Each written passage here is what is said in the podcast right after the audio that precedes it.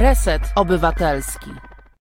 Tomasz Piątek, Reset Obywatelski, dobry wieczór, właściwie dzień dobry, bo słońce jeszcze na dworze, tak nam się trochę przesuwają pory dnia. Piękna majówka, piękny maj, piękne słońce i bardzo się cieszę, że tak licznie Was tu widzę, mimo tej majówki, mimo że można sobie biegać po dworze, na przykład grillować i tak dalej. Wy jednak troszczycie się o Polskę, o to, co się dzieje z Polską i z naszą cywilizacją.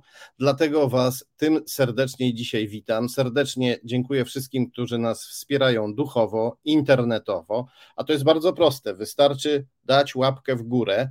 Bardzo gorąco proszę wszystkich o łapki w górę, bo to zwiększa widoczność tej transmisji, podobnie jak udostępnianie jej w mediach społecznościowych, udostępnianie linku do tej transmisji. Do tego też gorąco zachęcam. Mo można nas również wspierać finansowo, co też jest e, ważne, ponieważ nie mamy sponsorów rządowych, nie mamy e, sponsorów komercyjnych, nie mamy sponsorów zagranicznych, jak na przykład organizacja Ordo Juris, o której za chwilę będziemy mówić. Kreml nie daje nam ani rubla. No i w sumie bardzo dobrze, bo w ten sposób jesteśmy niezależni.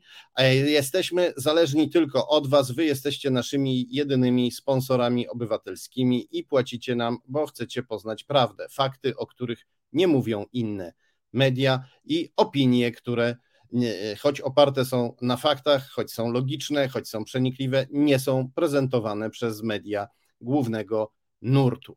Można nas wspierać wpłacając na konto Fundacji e, Arbitror, można nas wspierać e, poprzez e, zbiórkę na portalu zrzutka.pl i można nas również wspierać w serwisie Patronite.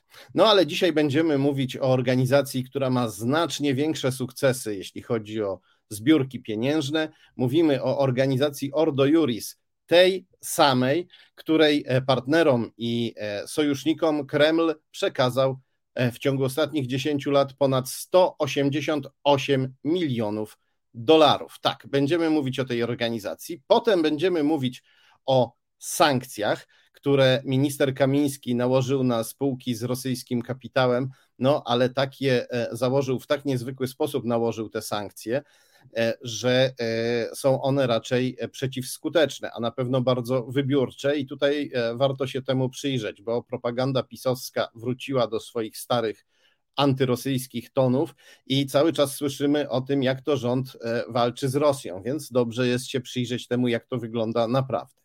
No a w drugiej części naszego programu zbadamy esbecką teczkę Adama Glapińskiego, szefa Narodowego Banku Polskiego związanego z Rosją, między innymi przez skandaliczną wymianę domów. E, Glapiński e, oddał domek e, gangsterowi rosyjskiemu i w prezencie dostał wielką posiadłość z pałacem pod Warszawą.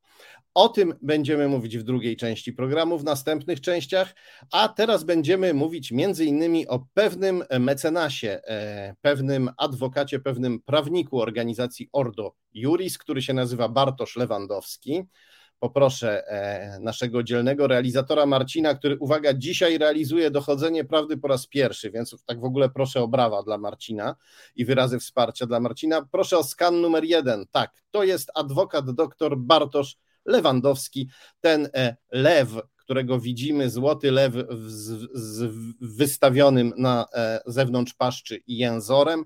To jest logo Ordo Juris Tutaj na tym skanie czytamy, że e, Lewandowski e, jest dyrektorem Centrum Interwencji Procesowej Ordo Juris. To jest jakby ta e, jaczejka, ta komórka wewnątrz Ordo Juris, która nęka ludzi procesami.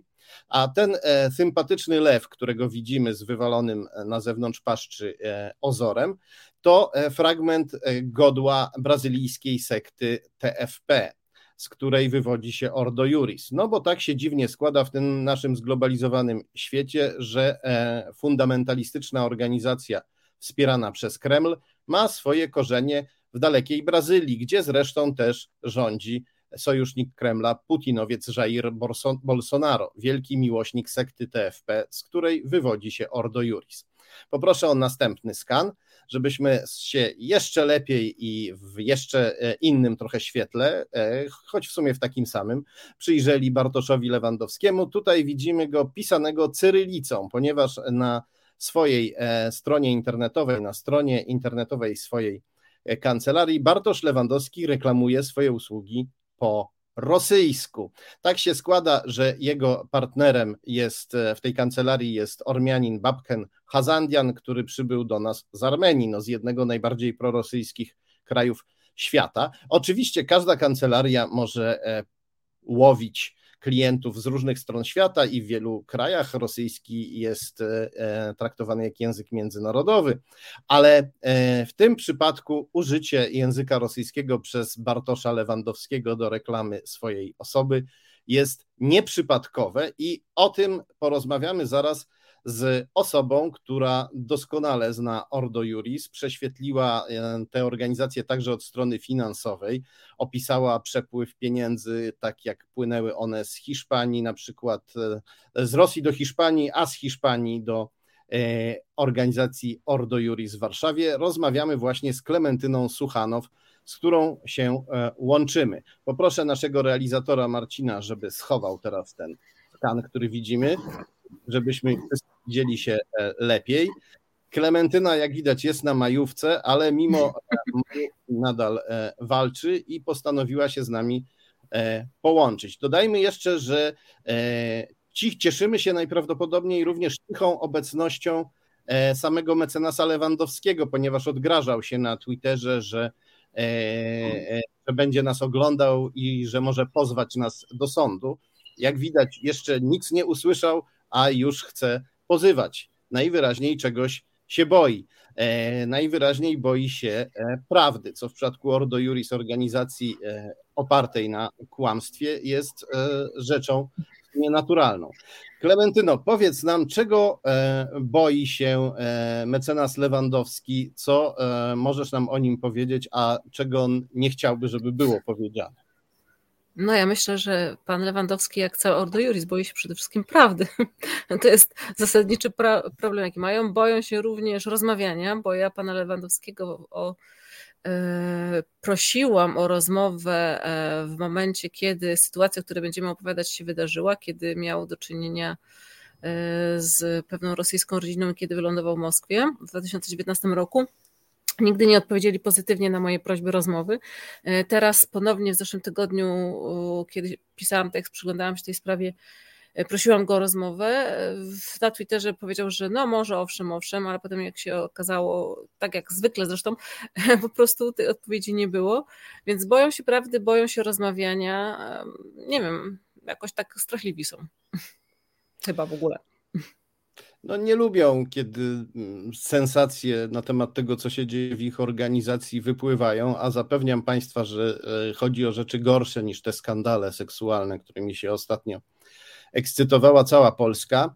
E, mówimy o pieniądzach przychodzących z Kremla. Mowa jest także o tym, że sekta TFP, z której wywodzi się Ordo Juris, jest organizacją mającą także charakter paramilitarny. W Brazylii jej członkowie byli poddawani praniu mózgów, zmuszano ich na przykład, żeby siedzieli w chlewiku i e, godzinami kwiczeli głośno, krzycząc jestem świnią. Budzono ich o 5 rano, żeby maszerowali ze sztandarami po posiadłości założyciela tej sekty. I e, wiemy też od naszych informatorów, że również w Europie praktyki paramilitarne są stosowane w organizacjach wywodzących się z Ordo Juris.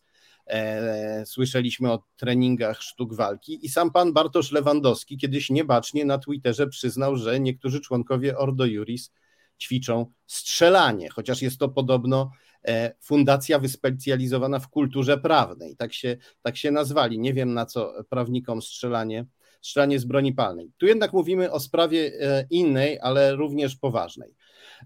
Rosjanin w Szwecji miał dzieci. Dzieci te szwedzki urząd opieki przyznał rodzinie zastępczej. Rosjanin te dzieci wbrew szwedzkiemu prawu porwał, wywiózł e, do Polski, a pan Bartosz Lewandowski razem ze swoim wspólnikiem Babkenem Hazandianem pomógł e, panu e, Lisowowi, tak się nazywał ten Rosjanin, porwane dzieci wywieźć, wywieźć do Rosji. Do Rosji, która jak wiadomo jest miejscem, gdzie dzieciom się pierze mózgi prawdopodobnie równie intensywnie jak e, w e, sektach brazylijskich. W Rosji, gdzie dzieci są hodowane na, e, na małych wojowników Putina. Dzieci te, dodajmy na początku, może to warto powiedzieć, mogły żyć w Szwecji, w demokratycznym państwie, a trafiły do jednego z najgorszych miejsc na świecie, w których można wychowywać dziecko. I to jest zasługa, którą się pan Lewandowski chwali, ciągle się chwali na Twitterze. E, niedawno napisał, że to był w ogóle sukces Polski, że dzieci ze Szwecji wywieziono do Rosji, żeby tam się e, dusiły i były deformowane przez putinowski e, reżim. Chciałem Cię poprosić, żebyś opowiedziała, jak to się stało, jak pan Lewandowski tego dokonał i przy czyjej pomocy. No ja bym to troszeczkę inaczej powiedziała niż ty. Nie uważam, że znaczy, no Rosja rzeczywiście jest krajem politycznie rzecz biorąc, jakim jest, ale relacje międzyludzkie, matki, córki, siostry, ojcowie i tak dalej, jeśli są e, pozytywne, e, to być może i w takim miejscu potrafią ochronić, ale jakby w tej historii nie o to chodziło tak naprawdę. Chodziło o stworzenie pewnego precedensu. To znaczy, mamy rodzinę, e, to znaczy, przyznam tak, nie jest to pierwsza sytuacja, kiedy Ordo Juris zajmowało się sprawą obcokrajowców, którzy e, byli sprowadzani do Polski, e, gdzie mieli ubiegać się o, o azyl. Polska miała być tym rajem dla tradycyjnych rodzin. Rodziny były z Norwegii, ze Szwecji, z Holandii i ta historia jest jedną z kilku historii, czyli z kilku prób pod, prób stworzenia takiego precedensu na łonie Unii Europejskiej, e, żeby móc zaskarżać te wysoko rozwinięte kraje jako te kraje, które są niedobre właśnie dla rodzin, czyli taka odwrócenie kota ogonem. I e, w tej sytuacji w 2019 roku rzeczywiście e, pewien mężczyzna o imieniu Denis Lisow pojawił się na lotnisku Okęcie, ale najpierw przepłynął ze Szwecji do Polski promem. Potem znalazł się na Okęciu, miał wylecieć do Moskwy. Był tam z trzema córkami, najstarsza miała chyba 12 lat. E, z tym, że córki zostały umieszczone na liście już poszukiwanych przez system szwedzki, ponieważ zostały wykradzione z rodziny muzułmańskiej. Jakie były przyczyny e, tego wykradzenia? Denis Lisow o tym szeroko opowiadał w prasie, ale myślę, że to nie jest akurat miejsce i czas na powtarzanie rosyjskiej propagandy, bo to głównie e, ale, były rosyjskie media, które się rozpisywały o tej sprawie. Przepraszam, ja, ja, ja, tutaj dodam, bo ja sobie poczytałem i z tego, co, co słyszałem i z tego, co przeczytałem, to e, e, Lisow nie mówił nawet Lisow, który tutaj prawdopodobnie byłby zainteresowany jak najbardziej, żeby oczernić tę rodzinę, do której te dzieci trafiły, to w tych e, e, materiałach, które ja przeczytałem, on nie mówił, że to była jakaś straszna rodzina islamistyczna, która mu te tak. dzieci muzułmaniła. Nie, mówił, że tam w ogóle ta rodzina była dobra, tylko dzieci się czuły obce kulturowo. To było takie tak, właśnie nierosyjskie. To jest Czyli prawda. jakby motywacja była mm, nacjonalistyczna. Rodzina e, zastępcza, e, w której znalazły się trzy córki Lisowa, e, to była rodzina muzułmanów z Libanu. Aczkolwiek, jak same te dziewczynki, głównie najstarsza Sofia przyznawała, nie była to rodzina praktykująca, czyli była taką cywilną, laicką rodziną, która była jedną z rodzin zgłoszonych do przyjmowania dzieci. Sytuacja tam była taka, że żona Lisowa trafiła na leczenie psychiatryczne z tego, co czytałam w jednej z niezależnych y, gazet rosyjskich, która przeniosła się do Rygi, bo już w Rosji nie może być wydawana, czyli Meduza, ta matka jednak zdążyła wyjść z tego psychiatryka przed ucieczką e, męża już rozwiedzionego, bo od, kiedy wyszła ze szpitala, zdążyli się rozwieść, o czym Lisow mówi w prasie rosyjskiej, e, czyli e, mamy sytuację rozwiedzionych rodziców i jeden z nich e, porywa dzieci z rodziny zastępczej. Nie tylko porywa wtedy dzieci rodzinie zastępczej, ale porywa również te dzieci matce, która tam została, tak? Ale ciekawa historia jest taka, związana z panem Lewandowskim, że pan mogę, mogę jeszcze, mogę jeszcze wejść w słowo, zanim zaczniemy tak. tę właśnie najciekawszą część. Czyli to nie jest tak, bo ty powiedziałaś słusznie, że rodziny są w stanie przechowywać wartości nawet w warunkach tyranii, ale to nie jest tak, że Lisow porwał te dzieci do rodziny w Rosji, która może tam jakaś kochająca rodzina by tak. ochroniła te dzieci przed putinizmem. On je porwał e, do miejsca, w, których nie, w którym nie było ich matki, w którym nie było rodziny. On je porwał natomiast do miejsca, gdzie te dzieci natychmiast stały się ikoną putinowskiego, rosyjskiego nacjonalizmu i e, wzięli je na sztandary wrogowie Zachodu, demokracji. To ja opowiadam powiedzieć. historię dalej, tak? Więc tak, pan Lisow tak. znajduje Dobra. się e, po tym promie na lotnisku Okęcie. E, dziewczynki są na liście poszukiwanych, więc e, oczywiście funkcjonariusze lotniska zatrzymują całą rodzinę. E, umieszczeni są w jakimś tam komisariacie lotniskowym. I tutaj wydarza się bardzo ciekawa historia. Bardzo zwracam na to uwagę, bo zastanawiało mnie nawet, jak o tym myślałam, o takiej sytuacji po prostu jakiegoś Rosjanina zagubionego w kraju mu nieznanym Polsce, uciekającego ze Szwecji. Co on może zrobić? Jakby, no, jeśli działa mu internet, może sobie wygooglować, nie wiem, jakieś organizacje pomagające osobom nie wiem, prawno-człowiecze i tak dalej. No ale jakimś trafem on e, e, nagle dostaje telefon do Ordo Juris. Skąd takiego człowieka jest telefon Ordo Juris? Więc zwracałam e, bacznie uwagę na ten, na ten moment i sam pan Lewandowski w jednym z wywiadów, który był szeroko kolportowany przez rosyjskie reżimowe, takie typowo reżimowe media, opowiadał o tym, że e, funkcjonariusze przekazali Lisowowi telefon do Ordo Juris, chociaż zrobili to w sposób nielegalny, bo złamali prawo przy tym, nie powinni byli tego zrobić. W taki, w taki sposób się wypowiada. To jest bardzo zastanawiająca dla mnie sytuacja, kiedy prawnik widząc, że ktoś łamie prawo, jakby jednocześnie tam. E, z innych źródeł słyszałam, mm, że po prostu ta sprawa znalazła się nagle w Ordo Juris, przyniesiona przez wspólnika pana Lewandowskiego Owego Ormianina, o którym już wspominałeś. E, no i mamy sytuację, że rzeczywiście Lewandowski z Hanzadianem natychmiast stawiają się na lotnisku, zajmują się tą sprawą. Najpierw sprawa dotyczy tego, czy e, państwo polskie ma dokonać ekstradycji obywatela Rosji e, z młodocianymi do Szwecji. Sąd się nie przychyla ku temu, bo zauważa, że tam są silne więzi rodzinne i chroni tą rodzinę jako rodzinę. E, później pojawia się, i to jest bardzo ciekawe, pojawia się postać pana rzecznika praw dziecka, związanego bardzo mocno z Ordo Juris, pana Pawlaka, który pan Pawlak, jak dzisiaj wiemy, był osobą, która oficjalnie poprzez pisma e, w Ministerstwie Sprawiedliwości uczestniczyła i pomogła wyasygnować pieniądze, które poszły na zakupienie systemu Pegasusa do podsłuchiwania. Także on był człowiekiem, który jest podpisany pod dokumentami, który, które pozwalają na wykonanie tego przesunięcia pieniędzy z y, ministerialnych funduszy na zakupienie systemu podsłuchowego.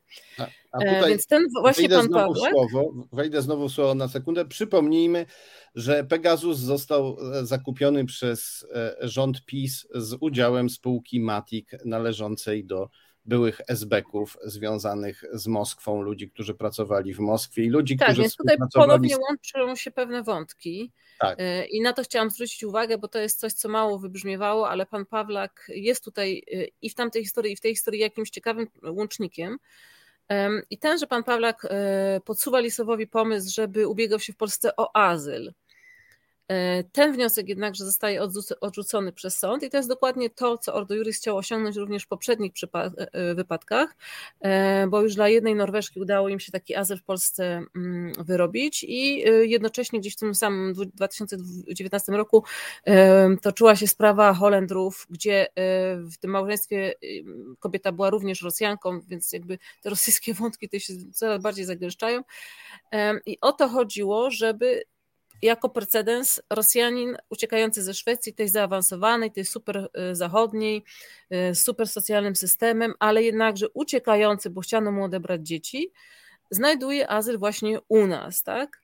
I to jest bardzo ciekawe, jak bardzo szybko, bo natychmiast tego samego dnia y, podchwyca tę wiadomość, kiedy Listow pojawia się na lotnisku w Okęci, na, w Okęciu, podchwyca tę informację RIA Nowosti, jedna z głównych agencji reżimowych, rządowych, to natychmiast po RII Nowosti trafia do mm, takiego medium prowadzonego przez oligarchę Konstantego Małofiewa, o którym nieraz opowiadaliśmy, bo jest to człowiek, który finansuje i dostarczanie broni do, do Donbasu i Marine Le Pen, załatwiając jej dodatkowe pożyczki i finansuje ruch, e, z którym, e, w którym uczestniczy Ordo Juris właśnie, płacąc na przykład World Congress of Families albo płacąc hiszpańskiej organizacji Citizen Go, z której Ordo Juris dostawało też pieniądze w 2016 roku, więc tutaj się wszystko po prostu zagęszcza i nagle w tej sprawie oczywiście jakby królik po prostu z kapelusza wyskakuje ponownie oligarcha Małofiejew, więc widać, że tutaj te wszystkie wątki gdzieś się spinają,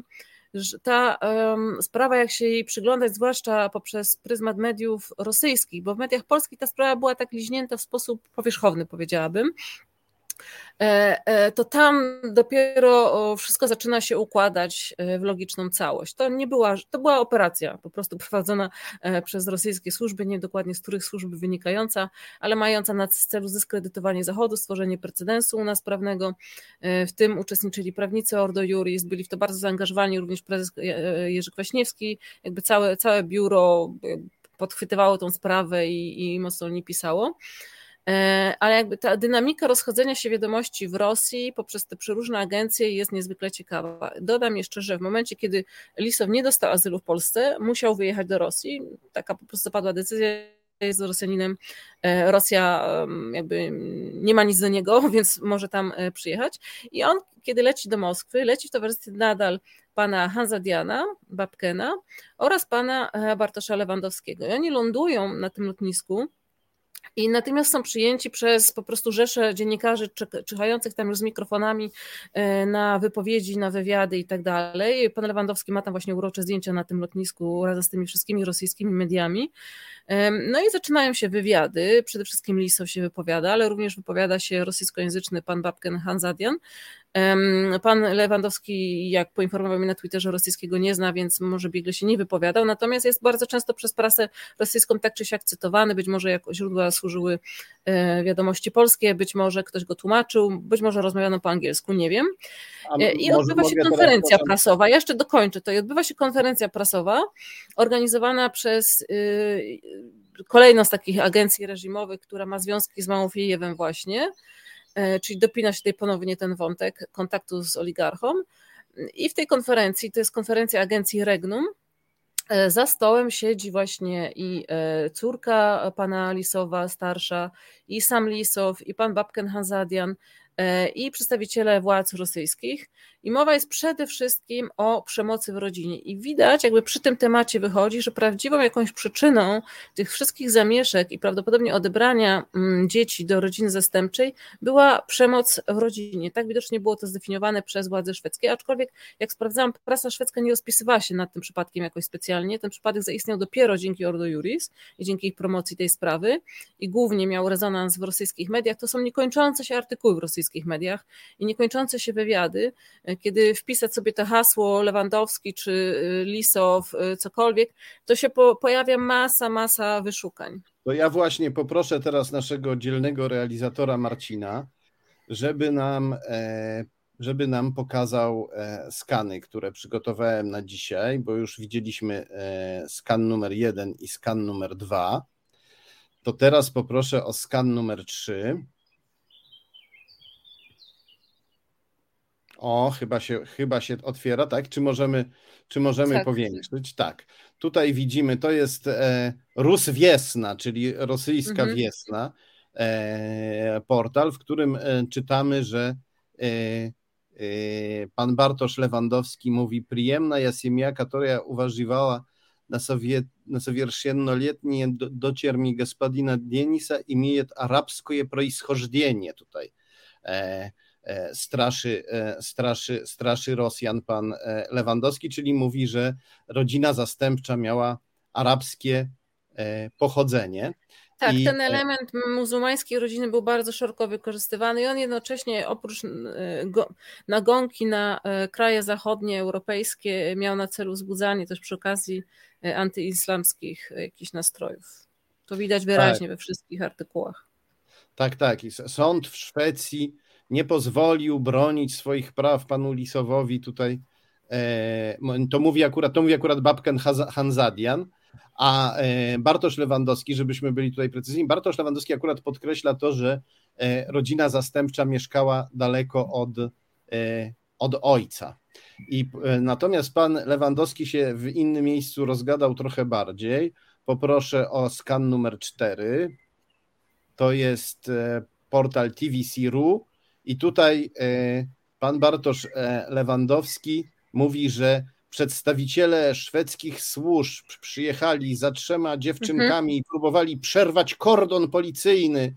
E, coś do nich mówili po, po szwedzku, ale one tego nie zrozumiały. No jak się wczytać w to bliżej, to wychodzi na to, że chodzi o to, że szwedzki urząd opiekuńczy wysłał kogoś do Polski, żeby sprawdził, co się z tymi dziewczynkami dzieje, co raczej dobrze świadczy o szwedzkiej z tego, co pisano, rozumiem, że to była e, ta właśnie rodzina muzułmańska wysłana do Polski, żeby odebrać córki z biletami powrotnymi. E, z I tego, to... co rozumiem, i prasa polska, i prasa rosyjska tak to opisywała. Nie natknęłam się na inną relację, żeby to był ktoś inny, aczkolwiek e, natknęłam się na sugestię, że były to osoby również wysłane przez służby szwedzkie, ale chyba nie służby w sensie specjalnej, wywiadowcze, tylko raczej socjalne, tak to rozumiem. Tak, urząd, urząd, urząd, urząd opiekuńczy. No dobrze, i teraz dochodzimy do wątku najciekawszego. Kto w tej operacji przerzucenia przestępcy, no bo Lisow dokonał przestępstwa, a jeśli e, bił żonę wcześniej, na przykład albo córki, to tym bardziej był przestępcą. Ja tu jeszcze dodam, że w Rosji akurat bicie żony jest wspierane przez władze w ten sposób, że e, e, jeśli ktoś bije żonę rzadko, to prawo go nie ściga. E, więc pan Lisow e, porwał dzieci, uciekając do tego raju, jakim jest Rosja dla mężów, żonobijców i ojców e, dzieciobijców, i z czyją pomocą on tego dokonał. Pytasz mnie teraz? Tak, tak, pytam cię, pytam. Przepraszam, tak wpadam od czasu do czasu. Ale tak, bo ja prostu... sobie czytałam ten tekst po rosyjsku. Możesz powtórzyć pytanie? E, z czyją pomocą pan e, Lewandowski i jego kolega Hazandian? A tak, już, rozumiem. Tak, e, wywieźli Więc oczywiście w sposób oczywisty w takich sprawach, no bo jest to obywatel Federacji Rosyjskiej, na tym lotnisku pojawili się przedstawiciele e, ambasady rosyjskiej. Mowa w prasie jest o dwóch przedstawicielach. Jednego z nich nazwisko znamy, jest to Władysław Wybornow, rzecznik prasowy ambasady, aczkolwiek rzecznik taki bardzo mało udzielający się, ponieważ nie znaliśmy e, żadnych jego wystąpień, ani wzmianek o nim w prasie polskiej, mm, tylko przy tym przypadku Lisowa, gdzie jakby wiele razy jak na taką cichociemną osobę jest wspominany i z jakichś 10 lat, 15 wcześniej e, przy sprawie dotyczącej wystawy w Auschwitz, która też była sporna pomiędzy Rosją a Polską, oczywiście z powodów interpretacji historycznych faktów. E, i, i to są dwa jedyne takie przypadki, kiedy to nazwisko się pojawia. Udało mi się sprawdzić, bo starałam się dociec, czy ten pan Wyborno był jeszcze w ambasadzie teraz na przykład, w momencie, kiedy wydalano rosyjskich dyplomatów. Nie jestem na 100% pewna tego, czy był, czy nie był, ale jakby ostatnia wzmianka o nim na stronie ambasady pochodzi y, z końca 2021 roku i albo wtedy zniknął, albo teraz był wydalony. Nie mam jeszcze odpowiedzi pełnej na to pytanie, ale być może pan Lewandowski nam właśnie pomoże w rozstrzygnięciu. Tak, tak, tak, tak. Ja tutaj dodam, że przez długie, długie lata, to było kilkanaście lat chyba, jeśli dobrze pamiętam, pan Wybornow działał tak. w ambasadzie rosyjskiej w Polsce, no i ktoś mógłby pomyśleć, że rzecznik prasowy ambasady rosyjskiej w Polsce to będzie miał pełne ręce roboty, tu się po drodze działo wszystko, był Smoleńsk, tak. był tak, napaść tak. pierwsza Kremla na Ukrainę w 2014 Były rocznice pierwszej wojny światowej, gdzie Putin był zapraszany, także dużo było wydarzeń takich, mm, gdzie A... Y, patriarcha Cyryl przybył do Polski, tak. więc dużo proszę, było. Rzecznik niemowa, nie tylko niemowa, ale też jak mówią Rosjanie, niewidymka, czyli zupełnie niewidzialny rzecznik, niewidzialny i niesłyszalny. Pytanie, czy on się tak naprawdę zajmował przez cały ten czas. Poproszę e, naszego dzielnego realizatora Marcina o tak zwany scan X, który przed chwilą dostaliśmy od ciebie właśnie, Klementyno. Tak, to jest jedno ze zdjęć, które znalazłam w prasie. E, to są osoby, które jakby odprowadzają lisowów na lotnisku jeszcze polskim. Po lewej widzimy uśmiechniętego właśnie pana Lewandowskiego, dzieci, ta, ten, ten, ten taki najwyższy pan to jest właśnie Denis Lisow, jego córki dookoła. E, tenże człowiek w e, krawacie, białej koszuli to jest partner pana Lewandowskiego, Babken Hazadian. Natomiast obok niego z tą plakietką, która niestety jest odwrócona, więc nie można przeczytać, co tam jest napisane, czy to jest gość, czy tam jest imię, nazwisko, nie wiemy. Jest ktoś, e, kto jakby, jakby no nie wiem, kierując się wszelkimi wskaźnikami, wygląda na osobę pochodzenia rosyjskiego. E, przypuszczam, że jest to jeden z tych pracowników ambasady. To jest między innymi jedno z pytań, które chciałam panu Lewandowskiemu zadać, e, ale odmówił rozmowy, więc jeśli nas słucha, to mógłby na przykład odpowiedzieć na to pytanie, kim jest ten pan, który odprowadzał e, Lisowa razem z nim i z panem Hazadianem na lotnisku Okęcie w Warszawie.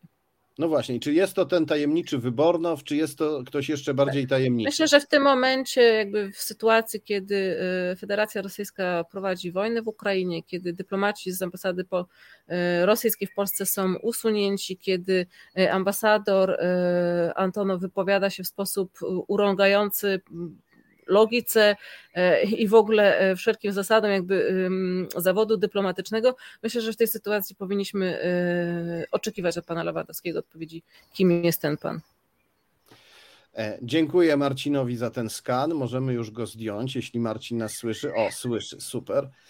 Klementyno, zbliżamy się do końca tej części, ale pewnie mhm. jest jeszcze parę ważnych rzeczy, których nie dałem Ci powiedzieć, bo ciągle przerywałem, więc teraz będę milczał, a jeśli coś jeszcze jest ważnego, co trzeba powiedzieć w tej sprawie, to powiedz. E, tak, to może ja opowiem, jakby dlaczego się tym zajęłam. Zajęłam się tym, e, dlatego że od momentu, kiedy wybuchła wojna, znaczy w ogóle e, jakby przyglądam się Ordo Juris oczywiście, chociaż wolałabym robić inne rzeczy w swoim życiu, no ale tak już się stało, że dzieje się to, co się dzieje. E, I byłam bardzo ciekawa, jak Ordo Juris będzie reagowało na wojnę, więc przyglądałam się im tak metodologicznie e, i byłam ciekawa tych wykrętasów w narracji, jaką będą stosowali.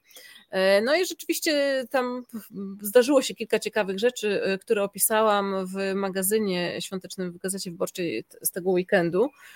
Mm, I jedną z nich była sprawa jakby kampanii, którą e, pan Lewandowski stworzył w Ordo Juris, robienia ze mnie szpiega z, rzekomymi, z rzekomą znajomością z jakimś szpiegiem rosyjskim, wszystko przez to, że w 2019 byłam w Moskwie.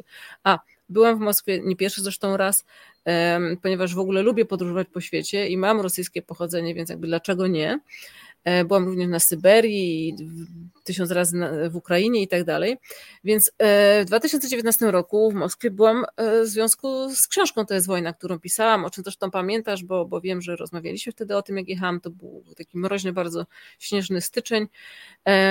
I zbierałam tam materiały. Rozmawiałam z ludźmi, próbowałam rozmawiać z Małofijewem, rozmawiałam z Komowem, rozmawiałam z wieloma innymi postaciami ze świata Ordo Juris, tak, które powinny wzbudzać jakby zainteresowanie osób, które by chciały y, świat przed kontaktami z Rosjanami. Natomiast wystąpiłam też w Centrum Sacharowa, gdzie opowiedziałam o strajku kobiet.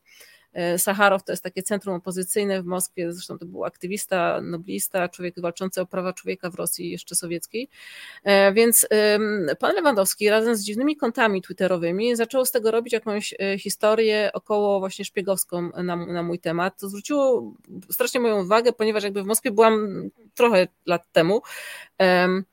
Poza tym są naprawdę ważniejsze sprawy, które się teraz dzieją, a od 1 marca oni codziennie na Twitterze po prostu po kilka razy pytają mnie, co ja robię w Moskwie. No to odpowiadam, że pisałam książkę, a oni dalej mnie pytają, Gmys się dołącza, Pereira się dołącza i się mnie pytają, co ja robię w Moskwie. No toż właśnie pisałam książkę, tak? No, Oczywiście pojawiają się insynuacyjne pytania, kto mi płacił za ten pobyt, no kto mi płacił? No ja płaciłam, ponieważ to był mój pobyt i z tego przypomniałam sobie całą tą historię tego Lisowa, i pomyślałam sobie, przecież pan Lewandowski też był przecież w Moskwie w tym samym roku 2019. Dlaczego skąd nagle teraz taka sprawa? E, więc wróciłam e, do tego, do tych wszystkich plików i, i gazet, bojąc się też zresztą, że mogą poznikać w związku z banem e, różnych mediów rosyjskich. E, przetrzebiłam to ponownie i właśnie opisałam tę, tę historię. Jakby teraz w tym momencie mi się dopełniła.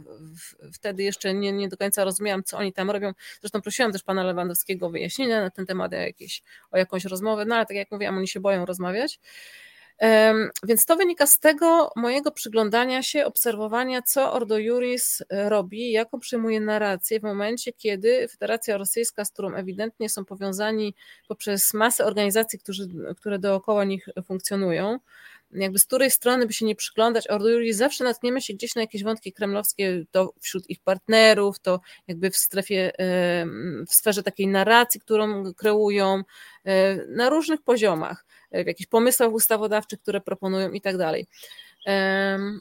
No i e, właśnie wyszła mi taka opowieść e, trochę bulwersująca, bo tak naprawdę po prostu wynika z tego, że Ordo Juris oczywiście bardzo kocha w tym momencie Ukrainę.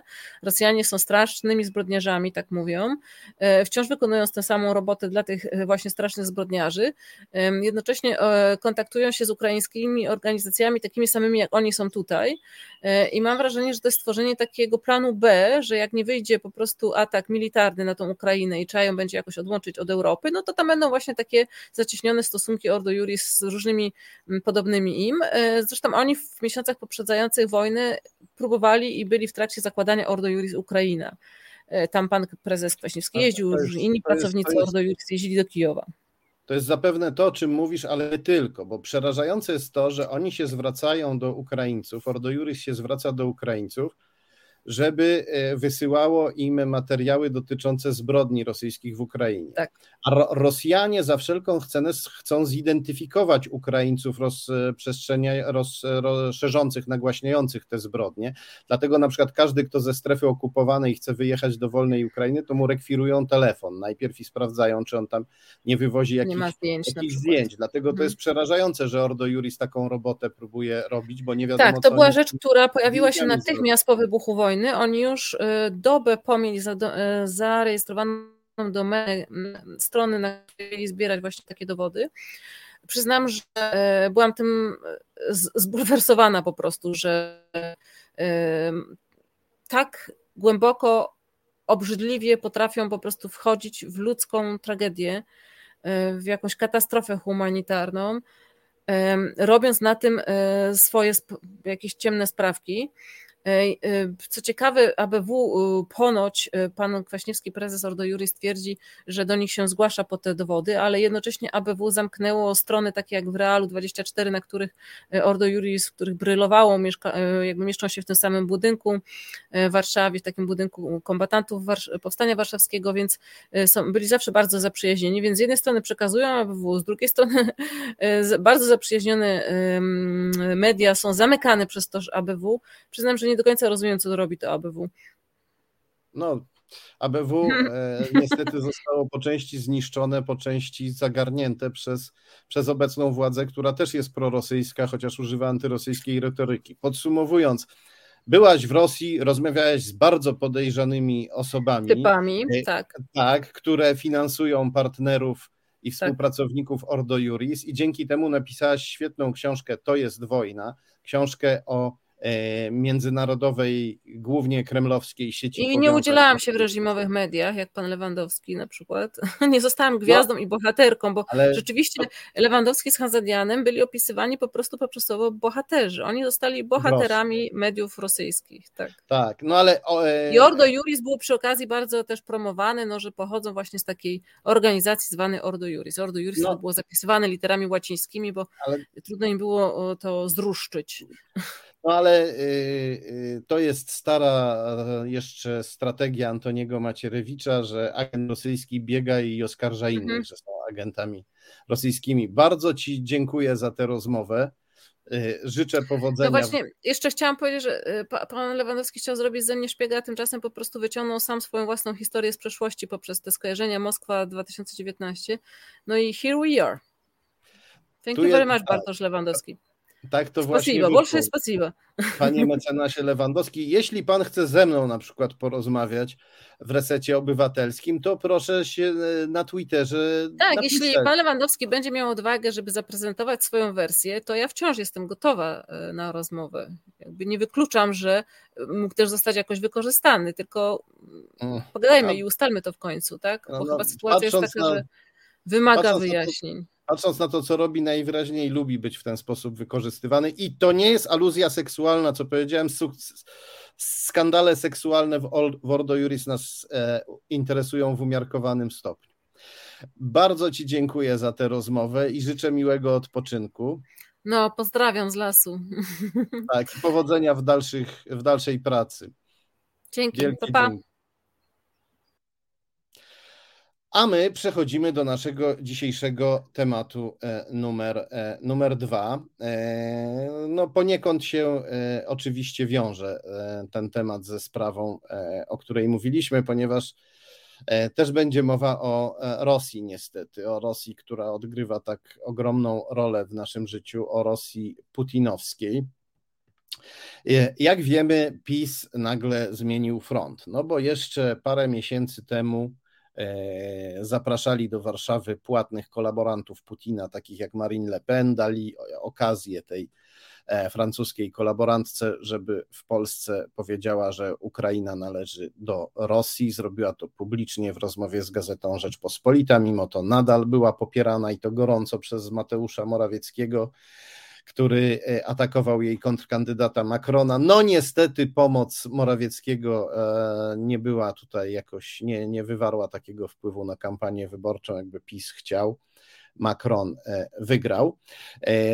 Teraz PiS udaje, że jest antyrosyjski, więc ta, i, i, no i, a w każdym razie głosi, że jest antyrosyjski i przyjrzyjmy się temu na pewnym przykładzie, jak ta zmiana wygląda. Czy to jest rzeczywista zmiana frontu, czy, czy nie, poproszę o skan e, numer 5. E, poproszę o skan numer 5. Tych czterech panów, których widzimy, to są ci oligarchowie PiS, ci oligarchowie rosyjscy, o których wiemy, że mają powiązania z PiS. No tych oligarchów pewnie znalazłoby się więcej.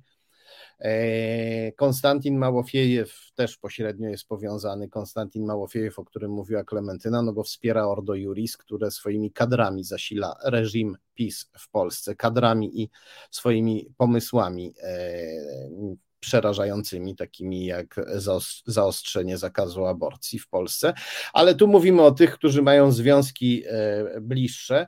E, ten, e, zacznijmy może od, zgodnie z ruchem wskazówek zegara, od tego, który jest po prawej stronie na dole.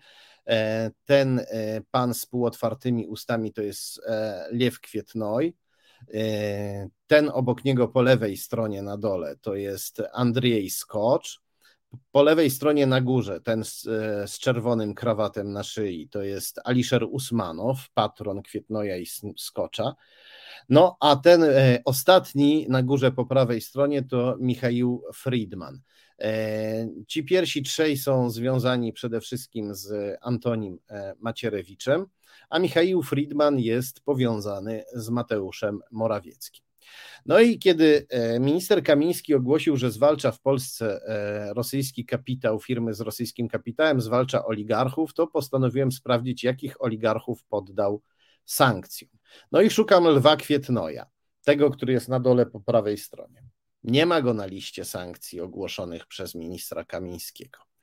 Szukam Andrzeja Skocza. Nie ma Andrzeja Skocza. Szukam Aliszera Usmanowa. No nie ma Aliszera Usmanowa. No najwyraźniej oligarchowie powiązani z PiS są traktowani jakoś specjalnie. No, e, pomyślałem sobie, to w takim razie Michała Friedmana też nie będzie. No ale patrzę, jest na liście Michał Friedman. E, zdefiniowano go tam, opisano go, wpisano go na tę listę jako osobę niepożądaną w Polsce, czyli Friedman nie powinien do Polski przyjeżdżać. No dobrze, ale co z tym kapitałem? Czy jakieś firmy, e, w które Friedman inwestuje, które są z Friedmanem powiązane, a takich firm można w Europie zliczyć sporo, czy jakieś, czy któreś z tych firm znalazły się na liście? I tak szukam, szukam, szukam na tej liście. Szukam firm związanych z Friedmanem i poproszę skan numer 6. Znalazłem Znalazłem na tej liście firmę związaną z Michałem Friedmanem, tak tutaj jest napisane, firmę Maga Dystrybucja 2. To jest ten skan, który widzimy, to jest fragment listy ogłoszonej przez e, ministra Kamińskiego, listy podmiotów, które podlegają sankcjom w związku z najazdem Putina na Ukrainę. Czytamy, że firma Maga Dystrybucja 2 spółka ZO jest pośrednio kontrolowana przez Michała Friedmana. I tutaj czytamy, czemu, ją, czemu poddano tę firmę. Zamrożenie wszystkich środków finansowych i zasobów gospodarczych. Zakaz udostępniania podmiotowi bezpośrednio lub pośrednio jakichkolwiek środków finansowych lub zasobów gospodarczych. Zakaz świadomego i umyślnego działania, e, umyślnego udziału w działaniach, w których celem jest, lub skutkiem jest ominięcie środków wskazanych poprzednio, czyli tam zamro, czyli, czyli ominięcia zamrożenia i zakazu udostępniania środków finansowych. No i wreszcie wykluczenie też e, tej firmy z przetargów. No dobrze mówię sobie, no mała rzecz, a cieszy, może jednak ten minister Kamiński nie jest taki zły, skoro w, choć przynajmniej jedną spółkę powiązaną z Friedmanem wpisał na listę sankcji. No oszczędził innych oligarchów, no ale Friedmanowi przynajmniej jedną e, spółkę tymi sankcjami objął. No, ale e, jestem człowiekiem e, upartym, mam taką wadę i postanowiłem sprawdzić, jak to dokładnie z tą firmą Maga Dystrybucja 2 jest. Poproszę o skan numer 7. Zajrzałem do, ser e, do serwisu rejestr IO opartego na Krajowym Rejestrze Sądowym. Tam jest też, są podani beneficjenci rzeczywiści, czyli ostateczni właściciele. Ostateczny właściciel, beneficjent rzeczywisty to jest ktoś, kto przez jakąś piramidę, sznureczek, łańcuszek firm kontroluje jakąś firmę. Trochę tak powiedzmy sobie jest firma A, która należy do firmy B, która należy do firmy C, a firma C należy do pana X i ten pan X jest e, właścicielem ostatecznym, czyli beneficjentem rzeczywistym tej firmy. I czytam tutaj, że Michał Friedman jest beneficjentem rzeczywistym firmy Maga Dystrybucja 2. No dobrze, mówię sobie, wszystko się zgadza. Ale potem czytam, że e, Maga Dystrybucja 2 należy do spółki Maga Foods. No dobrze, e, to jeżeli e, Friedman jest beneficjentem rzeczywistym Maga Dystrybucja 2, to znaczy, że kontroluje Maga Dystrybucja 2 przez spółkę Maga Foods, bo ta spółka Maga Foods jest jedynym wspólnikiem. Więc musi być częścią piramidki Friedmana, skoro na końcu jej jest Friedman. Mamy tutaj to na tym skanie, który przedstawiam. Pan Friedman jest na górze jako beneficjent rzeczywisty, jako jedyny wspólnik jest, współ, jest spółka Maga Foods. No dobrze, to w takim razie, czy ta spółka Maga Foods, no chyba też powinna być na liście ministra Kamińskiego. Co, co z tą spółką Maga Foods? Szukam jej e, w serwisie rejestr IO i poproszę o kolejny skan skan numer 8, a tu się okazuje, że ta spółka ma beneficjenta rzeczywistego, ale nim jest ktoś zupełnie inny, Erik Peter Brass. E, jedynym wspólnikiem jest spółka Signature Foods Belgium, czyli spółka belgijska.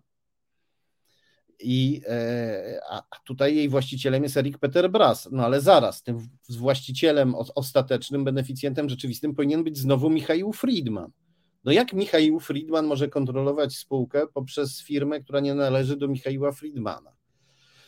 No e, i zacząłem szukać e, informacji w internecie. I co się okazało? Poproszę o skan numer 9. Najpierw e, na portalu orekstrukturyzacji.pl w wersji anglojęzycznej przeczytałem, że Maga Foods została poddana sankcjom, chociaż nie ma żadnych związków z Rosją w tej chwili a 200, i że z powodu tych sankcji 200 e, osób e, straci pracę, w tym e, liczni Ukraińcy, którzy w tej firmie pracują. Firma faktycznie pośrednio należała przedtem do Michała Friedmana, ale działający w Belgii Holender Erik Bras wykupił tę firmę z rąk Michała Friedmana, gdy dowiedział się, że szykuje się kolejna napaść Putina na Ukrainę to oczywiście brzydko, że pan Bras miał wcześniej jakieś związki z putinowską Rosją, nie powinien był mieć, no ale dobrze zrobił, że się e, z tego wykupił, z tej zależności od Friedmana. I czy my mamy go za to karać, jak również tych Ukraińców, którzy tam pracują? No ale dobra, to jest jeden artykuł. Zacząłem szukać dalej. Poproszę o skan numer 10. Znalazłem artykuł w Pulsie Biznesu E, widzimy go już na ekranie. Tutaj Piotr Pawiński, prezes firmy, wyjaśnia, że firma należy do holenderskiej grupy Signature Foods. E, jej faktycznym beneficjentem jest Holender Erik Bras. Tu dodam, że dzisiaj mówiłem o tej sprawie też w TOK FM i się przejęzyczyłem, powiedziałem, że Belg to nie Belg, to Holender, aczkolwiek kontroluje polską spółkę przez belgijską spółkę. I czytamy tutaj, że część akcji tej e, spółki Signature Foods należała do funduszu Pamplona, który należy między innymi do Michała Friedmana, ale zaraz po napaści na Ukrainę Erik Bras podjął kroki, by wykupić udziały z rąk rosyjskiego oligarchy. Z innych źródeł się dowiedziałem, że zaczął nawet to robić trochę wcześniej, kiedy już było wiadomo, że się napaść szykuje. Ta operacja się powiodła już pod koniec marca. Signature Foods a co za tym idzie także polska firma Maga Foods, przestały być w jakikolwiek sposób zależne od, od Rosjan. No dobrze, a to jest drugi artykuł. Zacząłem szukać dalej i znalazłem, poproszę o skan numer 11, rozmowę z e, prezesem Pawińskim, prezesem spółki e, Maga Dystrybucja 2. I tutaj czytamy, że e, Erik Braz wykupił tak sprawnie i szybko udziały pana Friedmana, że dostał nawet za to gratulacje od holenderskiego Ministerstwa Finansów, które tam w Holandii zajmuje się sankcjami. No dobrze. I e, poproszę e, jeszcze o skan numer 12, no bo sobie e, powiedziałem sobie wtedy, że, e, że no dobrze, to może jest jakaś głupota. No, może minister Kamiński jego ludzie popatrzyli tylko w serwis rejestr IO, który najwyraźniej nie zdążył do tej pory wykreślić Michaiła Friedmana jako beneficjenta rzeczywistego. No ale e, służby i specjalne i rząd nie powinny się kierować jednym e, doniesieniem z jednego portalu internetowego. Wszystko, o czym się mówi, co się robi, trzeba potwierdzać. Serwis rejestr IO jest zresztą zazwyczaj bardzo wiarygodny i dokładny, no ale jednak w tym przypadku się pomylił, no i nie można, e, i, i, dlatego zawsze, nawet kiedy się czerpie z dobrego źródła, trzeba zawsze poszukać jakiegoś drugiego źródła. Ja już tutaj pokazuję kolejne źródło, to jest dalszy ciąg, to co teraz widzimy, to jest dalszy ciąg wywiadu z e, czasopisma portalu Wiadomości Handlowe. I tutaj e, czytamy, że minister spraw wewnętrznych jak również wcześniej szef CBA, kiedy wszczęli procedurę poddania sankcjom e, firmy Maga Dystrybucja 2, musieli wiedzieć, że ona już nie należy do Michaiła Friedmana. Czyli zrobili to złośliwie. Zrobili to złośliwie. Dlaczego? Poproszę o skan numer 13 e, jeszcze, ponieważ postanowiłem jeszcze popatrzeć, jak to jest z tymi Ukraińcami i faktycznie Puls Biznesu pisze, że w firmie pracują liczni Ukraińcy i że sankcja, która miała być dotkliwa dla Rosjan, uderza w e, Holendra, w belgijską spółkę, w holenderską spółkę oraz w licznych Polaków i Ukraińców, którzy pracują w firmie Maga Foods i stracą e, pracę. No to wygląda, proszę Państwa, bardzo dziwnie i tu oczywiście my mamy zawsze tę straszną niestety skłonność, żeby wszystko interpretować jako wynik głupoty i bałaganu. No ale przypomnijmy sobie inne fakty. Przypomnijmy sobie to, że e, sankcje wobec importerów gazu wprowadzono w tak e, absurdalny sposób, że nie tylko Łeba i parę innych miejscowości zostały na czas dość długi całkowicie odcięte od gazu, ale jeszcze dodatkowo e, kilkaset wagonów z gazem należących do firmy Nowatek e, utknęło gdzieś e, na torach w Polsce, a ich dalszy przestój grozi no, bardzo potężnym i bardzo groźnym wybuchem. Warto też przypomnieć, że sankcjami objęto E, firmę powiązaną z e, wojewodą podlaskim, pisowskim, e, Kosińskim, który promował handel z Białorusią i Rosją i firma została ukarana, ale wojewoda Kosiński z PiS nadal, przepraszam, Kosicki, wojewoda Kosicki z PiS nadal jest, nadal jest wojewodą to e, wszystko e, wygląda e, bardzo dziwnie. To wszystko wygląda tak, jakby ktoś chciał za pomocą tych sankcji, bardzo wybiórczych, osiągnąć jak najmniejszą skuteczność. Znaczy, ktoś chce, żeby te. To wygląda tak, jakby ktoś chciał, żeby te sankcje były y, jak najmniej skuteczne przeciwko Rosji, jak wybiórcze, drobne, selektywne, ale równocześnie, żeby w tym swoim drobnym wymiarze one jak najbardziej uderzyły w Polaków, a nawet w Ukraińców, w ludzi niewinnych. Ktoś chce nam tutaj, to wygląda tak, może ja nie mogę tutaj przesądzać, nie mogę mówić, że tak jest, ale tak to wygląda. Fakty, które widzimy, wskazują na to, że e, e, wyglądają tak, jakby ktoś chciał nas przekonać, że e, sankcje są dla Polski bardzo e, bolesne, bardziej bolesne niż są, a równocześnie są, a równocześnie e, jakby ktoś chciał, żeby były one e, jak najmniej skuteczne wobec, wobec Rosji.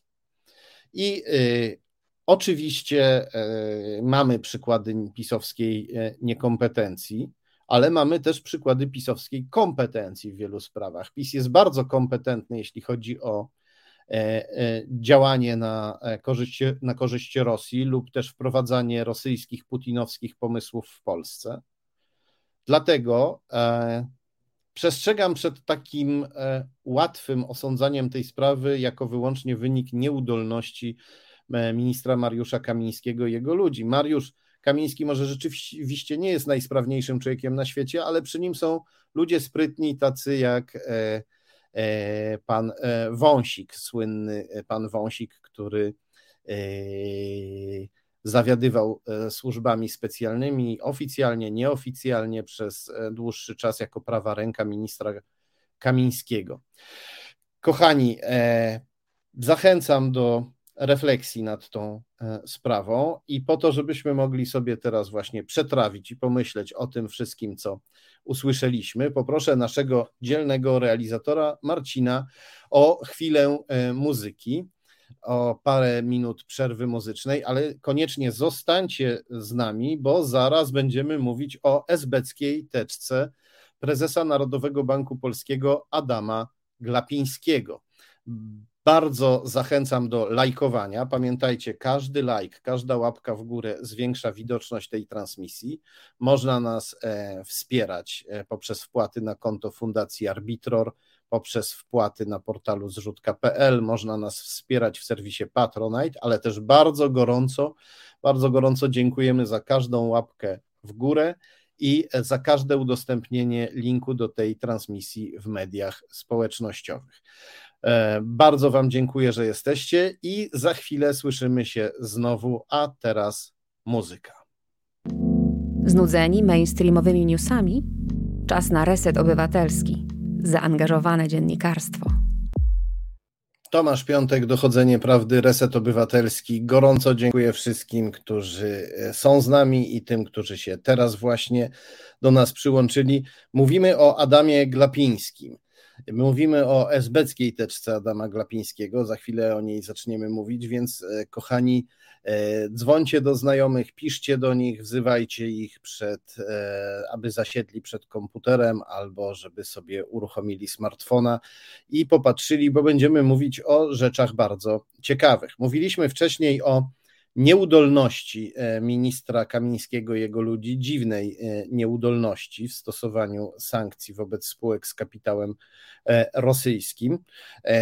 No, ja uważam, że w tej nieudolności jest zwykle jakaś metoda. PiS jest nieudolny tam, gdzie niespecjalnie mu to szkodzi, albo tam, gdzie ta nieudolność jest udawana i dla PiS korzystna. No, to, co jest korzystne dla Rosji, jest w sposób raczej oczywisty korzystne dla PiS, ponieważ ponieważ PiS jakby czerpie z Rosji pomysły, czerpie z Rosji wsparcie, na przykład rosyjskich trolli, którzy wspierają PiS w internecie.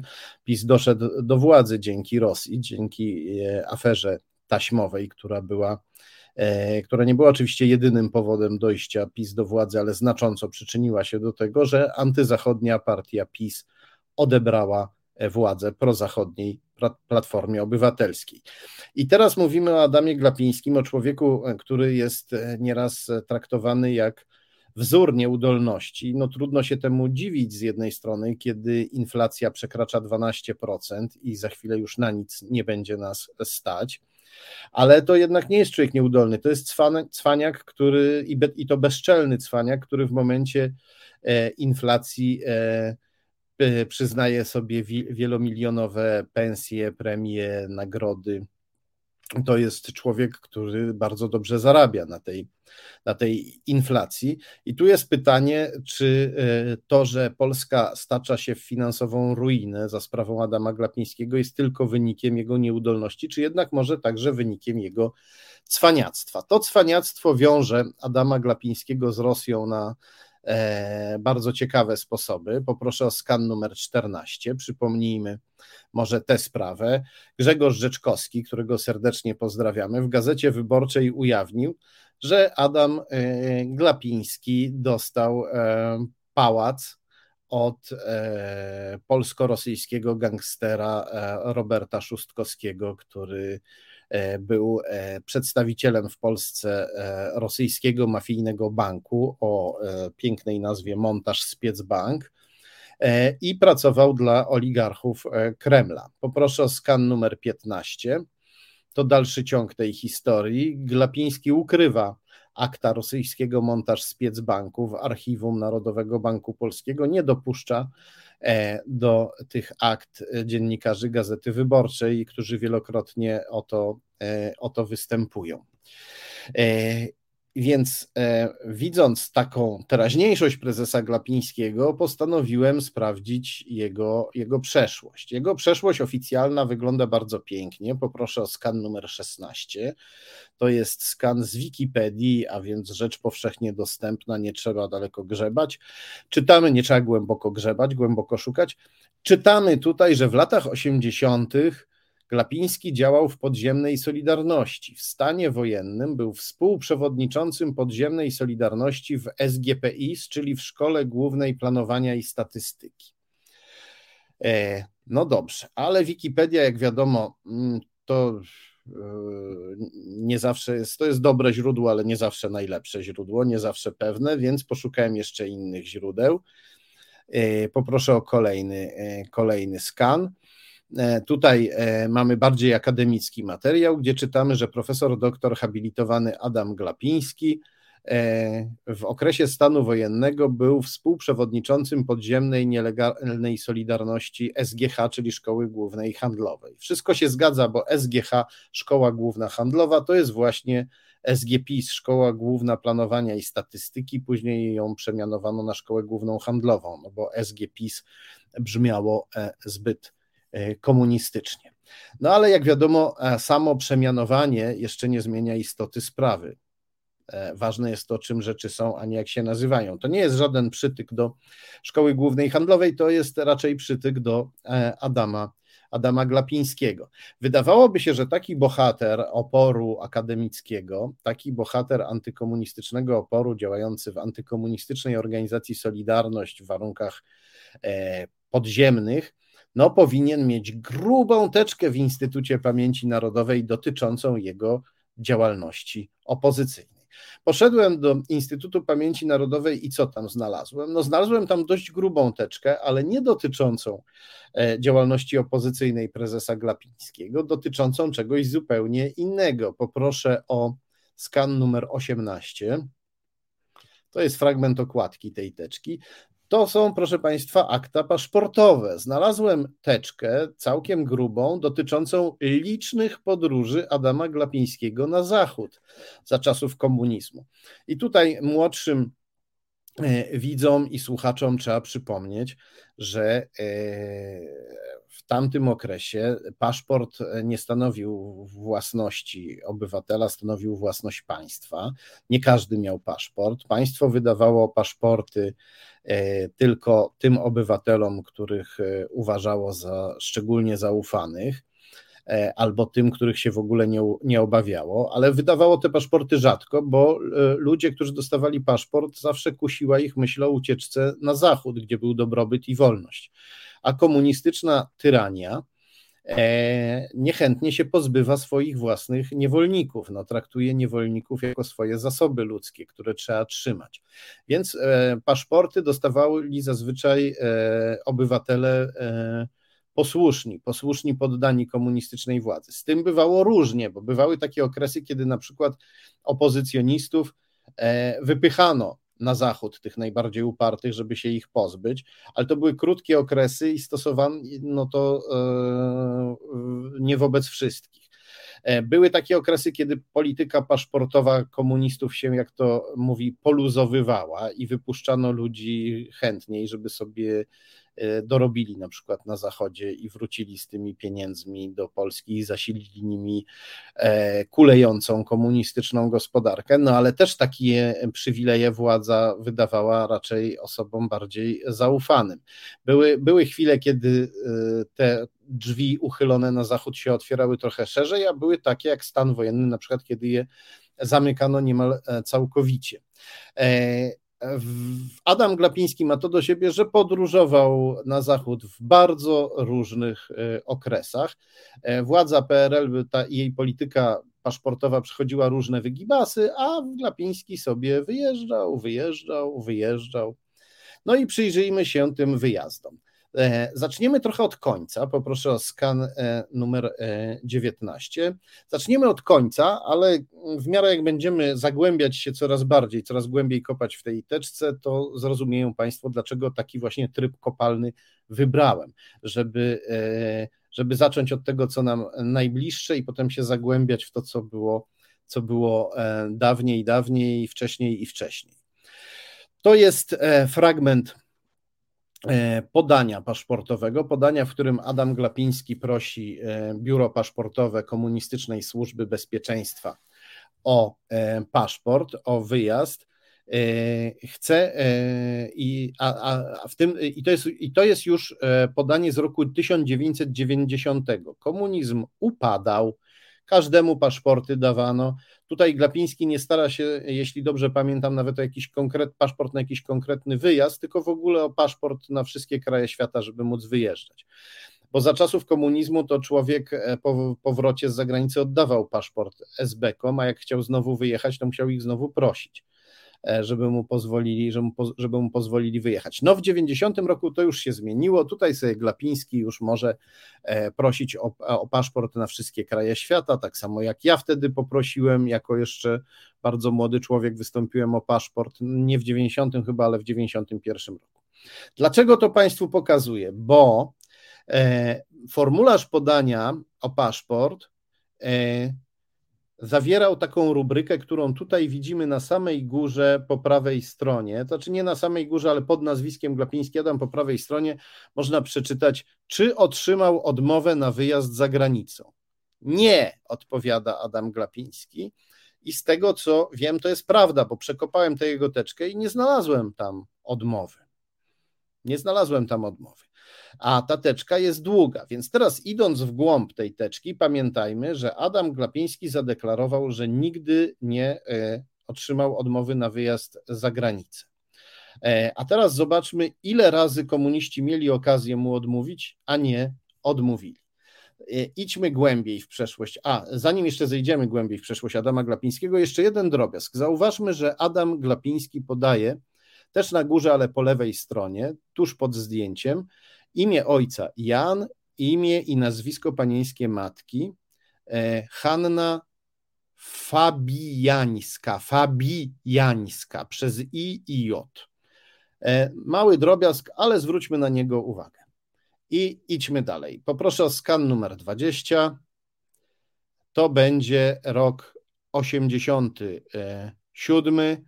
Glapiński Adam, e, Proszę o wydanie paszportu na wyjazd do Stanów Zjednoczonych Ameryki Północnej, rok 87. No, Stany Zjednoczone Ameryki Północnej to był wtedy wróg komunizmu numer jeden, a jednak temu opozycjoniście podziemnemu Glapińskiemu pozwolono tam e, wyjechać. I to nie po to, żeby się go pozbyć jako groźnego opozycjonisty. Nie, on tutaj pisze, że chce wyjechać e, sobie od lipca do sierpnia w celu turystycznym, potem wróci. No dobrze, ale to jest rok 87, to już jest e, tak zwana pieriestrojka, czyli liberalizacja komunizmu. Rządzi Michaił Gorbaczow, który nie do końca zgodnie z własną wolą, ale jednak ten komunizm rozmontowywał, było znacznie swobodniej. Może tutaj nie ma nic dziwnego w tym, że akurat na ten wyjazd Glapińskiemu pozwolono. Mm, ale e, e, kopmy głębiej, zejdźmy do roku 85. Poproszę o skan numer 21.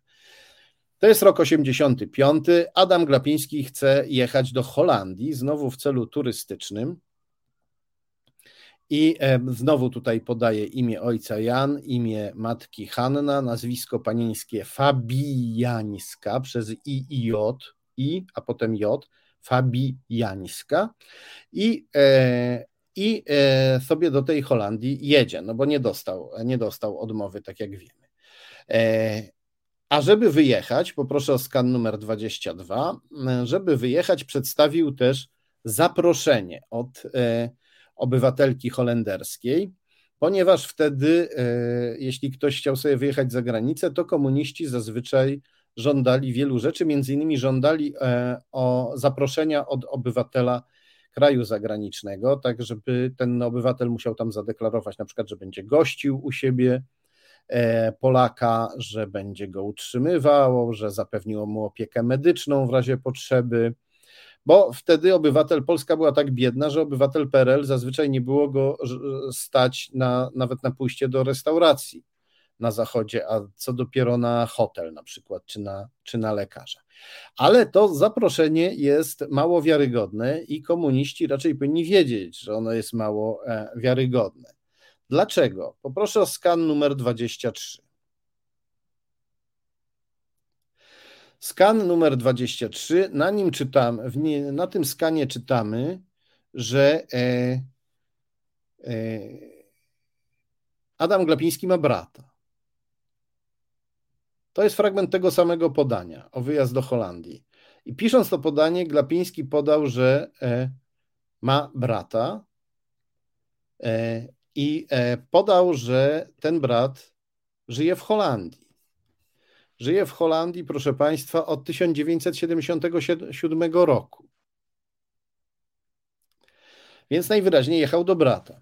A tu trzeba dodać, że ten brat, no, komunistyczna służba bezpieczeństwa, w przeciwieństwie do Adama Glapińskiego, którego jak tu widzimy i zaraz jeszcze lepiej zobaczymy, hołubiła, to tego brata nie za bardzo lubiła. Ten e, brat miał problemy w Polsce, potem wyjechał, potem był w stosunku, był dość skłócony z komunistyczną e, Polską Rzeczpospolitą Ludową, kiedy był za granicą. O tym czytamy w innych esbeckich teczkach. Więc najwyraźniej podziemny opozycjonista Glapiński chce wyjechać do swojego brata, emigranta wrogiego komunistycznej PRL,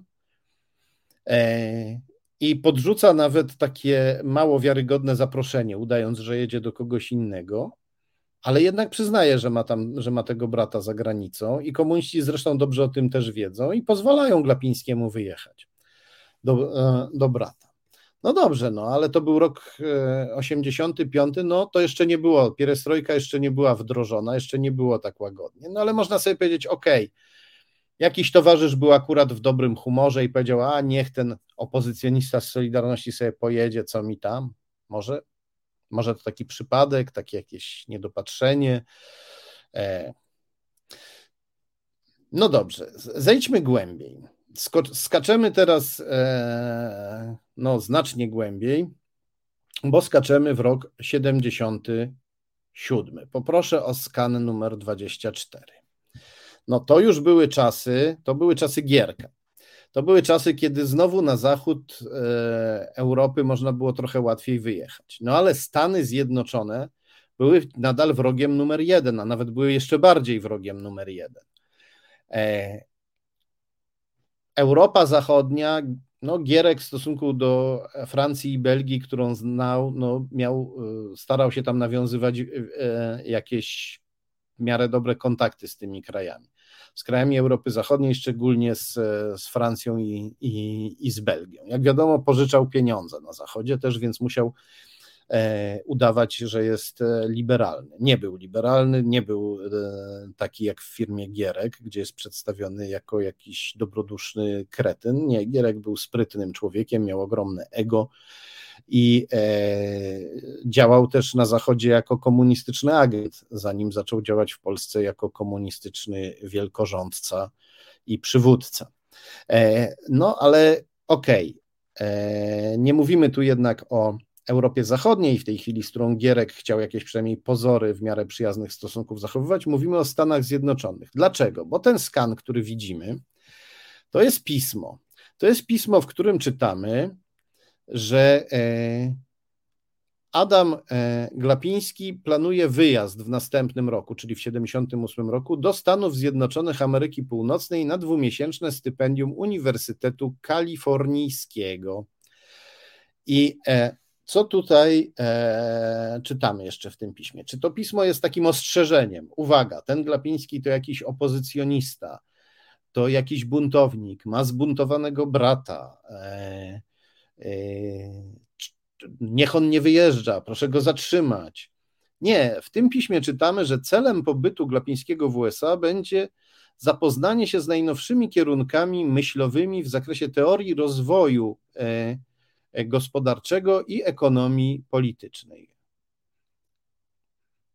I e, do tego jest jeszcze informacja, że Glapiński w ostatnich latach wjeżdżał kilkakrotnie za granicę do krajów kapitalistycznych, pokrywając koszty pobytu z własnego konta dewizowego lub przydziału dewiz Narodowego Banku Polskiego. Ojciec, Jan Glapiński, jest zastępcą dyrektora skarbca emisyjnego w Narodowym Banku Polskim. Bo tak, proszę Państwa, Glapiński senior też pracował w Narodowym Banku Polskim. Tak to się u nas w Polsce plecie, tak dynastycznie, jakby to powiedzieć, z pokolenia na pokolenie. Ale co dla nas znaczy to pismo? Ono znaczy, że Adam Glapiński e, jedzie do Stanów, gdzie może się dowiedzieć różnych ciekawych rzeczy. Nie ma, nikt tu nie pisze, uwaga, należy sprawdzić, z kim Glapiński będzie tam rozmawiał i trzeba sprawdzić, czy nie będzie e, opowiadał e, o tym, co się w Polsce dzieje.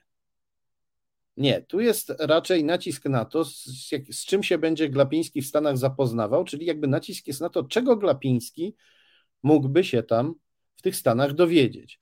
Jest też informacja, że jego ojciec, Jan Glapiński, zastępca dyrektora, jest zastępcą dyrektora w Narodowym Banku Polskim, zatem jest reżimowcem. Jest wiernym i wysoko postawionym sługą komunistycznego reżimu PRL. No a ludzi wywodzących się z takich rodzin komuniści darzyli zaufaniem. Informacja, że Glapiński dzięki swoim pieniądzom lub pieniądzom tatusia jeździ na zachód, jest też o tyle istotna, że e, służby krajów komunistycznych e, e, musiały działać na zachodzie, a ta działalność była dla nich bardzo kosztowna, bo złotówka wtedy nic nie znaczyła na zachodzie. Dolar był z polskiego punktu widzenia bardzo drogi. Informacja, że ktoś jedzie na zachód i to jeszcze może pojechać za własne pieniądze lub za pieniądze tatusia, reżimowca i czegoś się tam dowiedzieć, to jest na pewno informacja interesująca dla służb specjalnych. I teraz zobaczmy, do kogo to pismo jest skierowane. Skierowane jest do dyrektora Departamentu Pierwszego Jana Słowikowskiego, generała Jana Słowikowskiego. Departament Pierwszy to był wywiad zagraniczny PRL. Jan Słowikowski był szefem wywiadu zagranicznego PRL. E, gdyby e, komuniści się obawiali, że Glapiński może e, być jakimś szpiegiem, który wywozi informacje na Zachód, jakimś, albo jakimś zdrajcą komunizmu, jakimś buntownikiem, który chce wywieźć na Zachód tajemnicę PRL, to wtedy by się nim raczej interesował kontrwywiad. A tutaj proszę, interesuje się nim wywiad. Wywiad interesuje się tym, że młody Glapiński ma środki, żeby jeździć po zachodzie i dowiadywać się tam ciekawych rzeczy. I to jest informacja tak ważna, tak istotna, tak obiecujący wydaje się Glapiński, że e, o sprawie dowiaduje się sam szef wywiadu, który właśnie takich ludzi pozyskujących informacje na zachodzie tam wysyła. Po prostu agentów, agentów PRL. No i jaki ma dalszy ciąg to niezwykłe pismo? To pismo, które nam mówi, że Glapiński wyjeżdżał na zachód pod skrzydłami szefa wywiadu PRL, jeszcze w latach 70. No, to pismo w teczce Glapińskiego e, nie ma właściwie jakiegoś konkretnego dalszego ciągu, no ale postanowiłem sprawdzić, kto mógł być autorem tego pisma. To jest e, pismo z 7 grudnia 1977 e, roku. 7 grudnia. To wszystko, o czym Państwu mówię, będą mogli Państwo sobie później sprawdzić, kiedy ta transmisja stanie się filmem. Kiedy Państwo sobie zatrzymacie ten kadr, będziecie mogli, na ile oczywiście urządzenia pozwolą, powiększyć ten obrazek. On jest zresztą też dostępny w Instytucie Pamięci Narodowej. To jest po prostu kartka steczki paszportowej Adama Glapińskiego. Postanowiłem sprawdzić, kto mógł napisać to pismo, sięgając do informacji zawartych na samym początku teczki. Na samym początku teczki jest tak zwany przegląd akt. Poproszę o skan numer 25 to jest właśnie powiększenie fragmentu tego przeglądu akt, gdzie są wpisane osoby, które do teczki Glapińskiego za czasów komunizmu zaglądały. Znajdujemy tutaj e, na przykład Andrzeja Kapkowskiego mm, pod numerem 2 zapisanego. Bardzo ciekawa postać, człowiek, który z SB poszedł do Urzędu Ochrony Państwa. Człowiek, e, powiem o bardzo ciekawych powiązaniach E, pisałem e, o nim między innymi e, w książce o Tadeuszu Rydzyku, w tomie pierwszym, Rydzyki przyjaciele kręte ścieżki. Kapkowski był powiązany z niejakim Sobisiakiem, esbekiem z Poznania, który opiekował się osobą bardzo ważną dla księdza Rydzyka w czasach PRL. To jest wątek poboczny. Wszystkich, którzy chcą dowiedzieć się o tym więcej, zachęcam, aby sięgnęli po książkę Rydzyki Przyjaciele Kręte Ścieżki. Ale przede wszystkim na samym początku listy, na samym początku listy przeglądu akt w teczce Adama Glapińskiego znajdujemy innego funkcjonariusza. Znajdujemy Jana Lareckiego z Departamentu Pierwszego MSW, czyli z e, wywiadu zagranicznego PRL.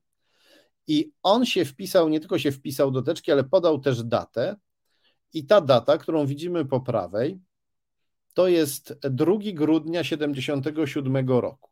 No on to zapisał trochę niewyraźnie, to mógłby być też 22 grudnia, ale e, najpewniej jest to 2 grudnia.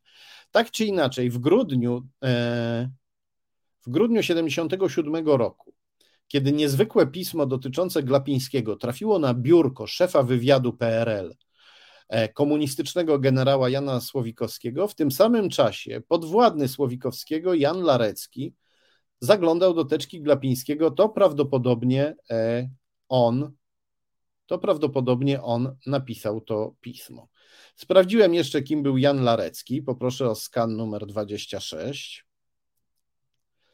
E, to jest e, skan z powszechnie dostępnego katalogu e, IPN, który jest w internecie. Tutaj czytamy, że Jan Larecki no, był ważnym człowiekiem. Zajmował się wywiadem ekonomicznym w RFN Austrii, Berlinie Zachodnim, potem był e, w Sztokholmie e, w 76 roku, potem był w Berlinie Zachodnim.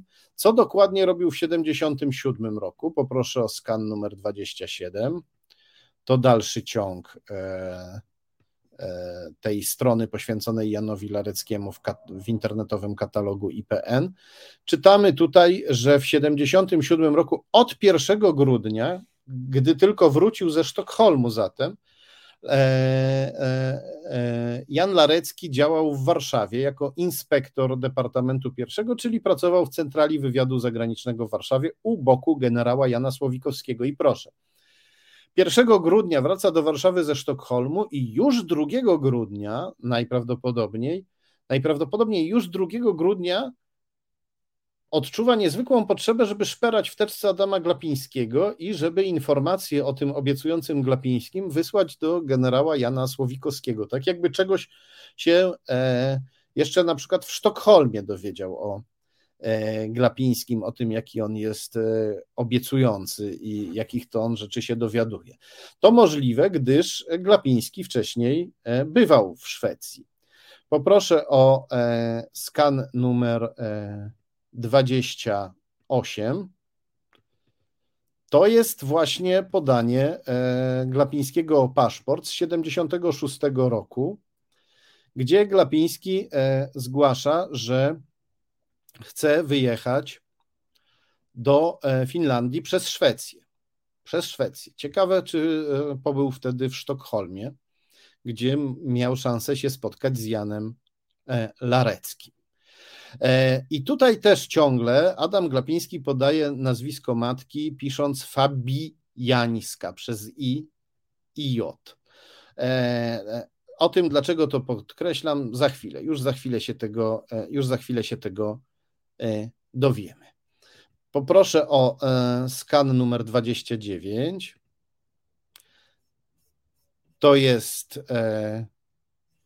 to jest też fragment, fragment tego podania z 76 roku. Tutaj Jan Glapiński sam własnym piórem nam potwierdza, Adam Glapiński sam własnym piórem nam potwierdza, że jego ojciec Jan Glapiński jest zastępcą dyrektora skarbca emisyjnego Narodowego Banku Polskiego.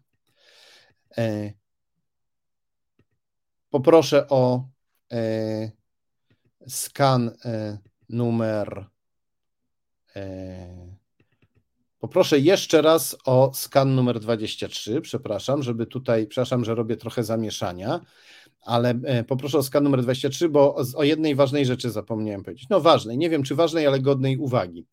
E, w tym, e, w poprzednim podaniu o paszport, tym z 85 roku, znacznie późniejszym, Glapiński napisał, że matka nie żyje. Czyli w 85 matka Glapińskiego nie żyła. I teraz poproszę jeszcze raz o e, skan podania z 76 roku. Tak. Tutaj jest, tutaj gdzie, gdzie, gdzie, gdzie, gdzie Adam Glapiński pisze o swoim ojcu, to jest rubryka rodzice. I on tutaj powinien napisać o swoich obojgu rodzicach, ale jeśli nie, ale pisze tylko o ojcu, więc to wygląda tak, jakby matka już w 76 roku nie żyła. No dobrze, poproszę teraz o e, skan numer 30. To jest skan z 74 roku. Tym e, razem Glapiński wybrał się do Belgii przez RFN i Holandię. Skądinąd to były też tereny, które interesowały funkcjonariusza Jana Lareckiego, tego samego, który najprawdopodobniej później napisał do Jana Słowikowskiego, szefa wywiadu PRL, rekomendując mu Glapińskiego. Ale mm, nie dlatego, albo nie tylko dlatego pokazuje ten skan, pokazuje ten skan dlatego, że tutaj matka Glapińskiego nazywa się Fabiańska przez samo i, nie Fabiańska, tylko Fabiańska. Może Glapiński w pośpiechu się pomylił. No trudno jest pomylić, zrobić pomyłkę w nazwisku swojej własnej matki. No, każdy z nas wie, jak matka się nazywa, jak nazywała się z domu. E, no, ale może w pośpiechu, w, w nerwach omsknęło mu się pióro, zapomniał o tym J, które tam powinno jeszcze być. Dobra, to zobaczmy kolejny skan, skan numer 31. Tutaj to jest e, skan z 73 roku. W 73 roku Glapiński wyjeżdża do Szwecji i podaje, e, podaje nazwisko swojej matki znowu przez I, bez J. Hanna Fabiańska. No, no, żaden syn się w ten sposób nie pomyli dwa razy. To jest, być może to jest zupełnie nieznaczący szczegół, ale on jest jednak bardzo dziwny. I poproszę o skan numer 32. E, to jest rok, jeśli dobrze widzę, 72. E, Znowu RFN, wtedy pisane NRF, bo w, E, Republika Federalna Niemiec czasem się w Polsce nazywała Niemiecka Republika Federalna. E, Glapiński jedzie do Francji, ale przejeżdża przez e, RFN, czyli znowu przez tereny interesujące funkcjonariusza Lareckiego, o którym mówiliśmy wcześniej. To być może nie ma znaczenia. I być może nie ma też znaczenia to, że nazwisko matki znowu jest napisane Fabiańska, ale jest to bardzo E, dziwne. E, I tu ktoś może powiedzieć, no dobrze, a może matka Glapińskiego po prostu zmieniła nazwisko, zmieniła pisownię nazwiska, wróciła do jakiejś historycznej pisowni, nazwiska takiej, która brzmiała bardziej szacownie, no bo fabijańska, taka, a, a taki, taki zapis staroświecki, no brzmi szacownie, sugeruje, że ktoś pochodzi z jakiejś dawnej rodziny. No ale tu się tworzy pytanie takie, czy e, ktoś może zmienić swoje nazwisko po, po, swojej śmierci? A tu wygląda na to, że Glapiński zaczął pi zmieniać pisownie nazwiska matki dopiero po jej śmierci. A nawet jeśli matka jeszcze żyła, jeśli nasze tutaj kalkulacje są błędne dotyczące momentu jej śmierci, to czy można zmienić pisownię swojego panieńskiego nazwiska? No chyba nie można, jeśli ktoś tego nazwiska panieńskiego w ogóle nie używa, nie ma go w dokumentach, to chyba nie może zmienić go. I chyba nie może e, syn podawać nazwiska panieńskiego matki w innej formie niż jest zapisane w dokumentach, na przykład w akcie narodzin, w akcie małżeństwa rodziców, wszędzie tam, gdzie się podawało nazwisko panieńskie, a za czasów komunistycznych się biurokracja była rozbudowana i się bardzo wiele formularzy wypełniało i trzeba było podawać panieńskie nazwiska, jeśli się akurat miało panieńskie nazwisko, tych dokumentów było wiele. To jest, e, to jest dziwne. To jest dziwne, bo e, może w ten sposób Glapiński próbował samemu sobie dodać jakiejś szacowności, używając takiej pisowni, która brzmiała i wyglądała bardziej arystokratycznie albo powiedzmy przynajmniej staroświecko, czyli kojarzyła się z jakimś światem dawniejszym, przedwojennym, e, sprzed czasów komunizmu, z, z, ze światem burżuazji i rodzin, a przede wszystkim rodzin szlacheckich, piszących się w staroświecki sposób. No tak, ale po co miałby to robić na podaniach, które pisał do komunistów? Oni byli wrodzy wszelkiej burżuazji, e, szlachcie, arystokracji, tradycjom szlacheckim. E, I oczywiście mieli łatwy dostęp do dokumentów, choćby do poprzednich podań e, Glapińskiego, na których e, pisał nazwisko matki w innej formie. Łatwo mogli się zorientować, że nazwisko matki zniekształca. To jest, to jest dziwne. To jest dziwne. No zakładam, że tutaj pomyłki nie ma, no bo trudno, żeby syn się mylił co do tego, jak się nazywa jego, jego matka. Bardzo dziwny szczegół, Przyznam się, że nie wiem, jak go zinterpretować. Nie wiem, czy, e, czy warto się nad nim dłużej zatrzymywać, ale e, niepokoi mnie. Tak samo jak bardzo wiele rzeczy w tej teczce mnie niepokoi. Przede wszystkim niepokoi mnie to, że Glapiński, mimo brata skłóconego z PRL, mimo swojej działalności opozycyjnej, a nawet podziemnej, e, jeździ sobie na zachód do Szwecji, Finlandii, Belgii, Holandii Stanów Zjednoczonych przez e, Niemcy Zachodnie przejeżdża, e, które też były traktowane jak wróg, jeśli nie numer jeden, to wróg, to wróg numer dwa. I bardzo dziwnie wygląda to, że te jego wyjazdy z, zostały niejako zarekomendowane szefowi wywiadu PRL Janowi Słowikowskiemu. Zostały zarekomendowane przez E, funkcjonariusza, który wcześniej e, działał e, w Szwecji, tam gdzie Glapiński wyjeżdżał i którędy Glapiński przejeżdżał.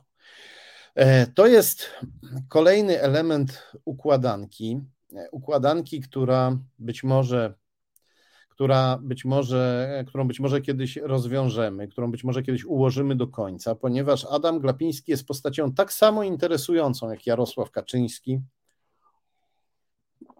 Antoni Macierewicz, Mateusz Morawiecki i Kornel Morawiecki, a jest w tej chwili postacią niezmiernie wpływową, o czym każdy z nas się e, przekonuje codziennie, gdy sięga do portfela i gdy widzi, że stać go na, na coraz mniej. E, Glapiński, e, jeśli chodzi o swoje związki E, z, z Rosją bezczelnie kłamie albo stosuje dosyć niezwykłe wykręty.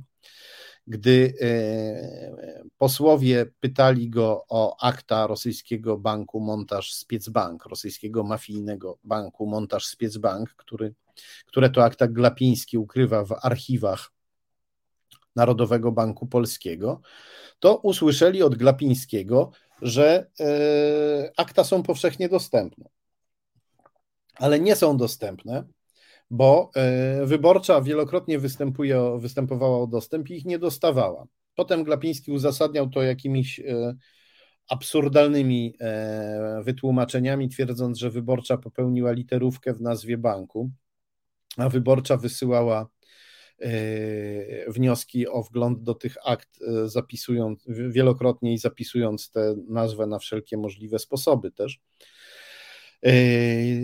Mm, Glapiński też opowiada niezwykłe rzeczy na temat swojego pałacu i posiadłości pod Warszawą. Pałacu i posiadłości, którą z Marcinem Celińskim obeszliśmy. E, kto pogrzebie na Twitterze, ten e, znajdzie, ten znajdzie mój e, wpis, a nawet cały wątek ze zdjęciami pokazującymi ten pałac i tę posiadłość od zewnątrz. Mówiliśmy też o tym tutaj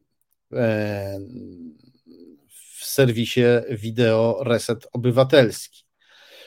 Jest też jedna z transmisji, w której opowiadamy, w której opowiadam i pokazuję też zdjęcia tego E, tego niezwykłego pałacu i posiadłości. To jest naprawdę ogromne.